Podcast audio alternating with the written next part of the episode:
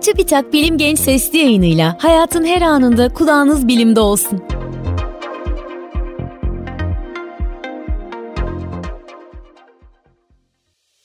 Sıcak su soğuk sudan daha hızlı donabilir mi?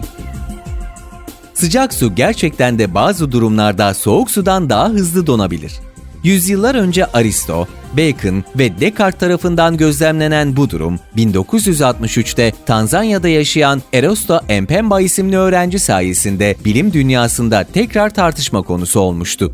Bu durum dondurma yapmak için hazırladığı sıcak süt karışımını sınıf arkadaşının hazırladığı daha soğuk karışımla birlikte buzdolabına koyduğunda sıcak sütün soğuk sütten daha hızlı donduğuna dikkat eden Erosto Mpemba'ya ithafen Mpemba etkisi olarak adlandırılıyor şekilleri aynı iki kapta bulunan farklı sıcaklıklardaki eşit miktarda suyu aynı şekilde soğuttuğumuzda belli koşullarda sıcak suyun daha soğuk olan sudan daha hızlı donmasına empemba etkisi adı verilir. Şüphesiz bu durum şu ana kadar bildiğimiz gerçeklere aykırı. Örneğin sıcaklığı 30 derece santigrat olan belli bir miktar su 10 dakikada donuyorsa, sıcaklığı 70 derece santigrat olan aynı miktarda suyun sıcaklığı belli bir sürede 30 derece santigrata düştükten sonra donması için 10 dakika daha geçmesi gerekir.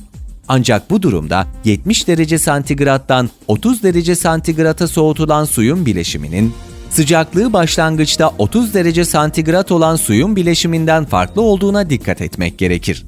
Bunun yanı sıra kabın şekli ve büyüklüğü, suyun içinde bulunan diğer maddeler yani safsızlıklar ve gazlar gibi farklı faktörler suyun donma süresini etkileyebilir.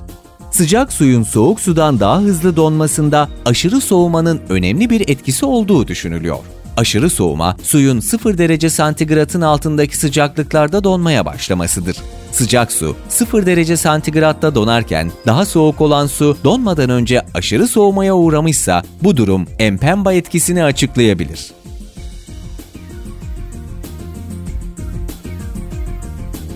Bilim Genç Sesli yayınlarını SoundCloud, Spotify, Google ve Apple Podcast kanallarımızdan takip edebilirsiniz.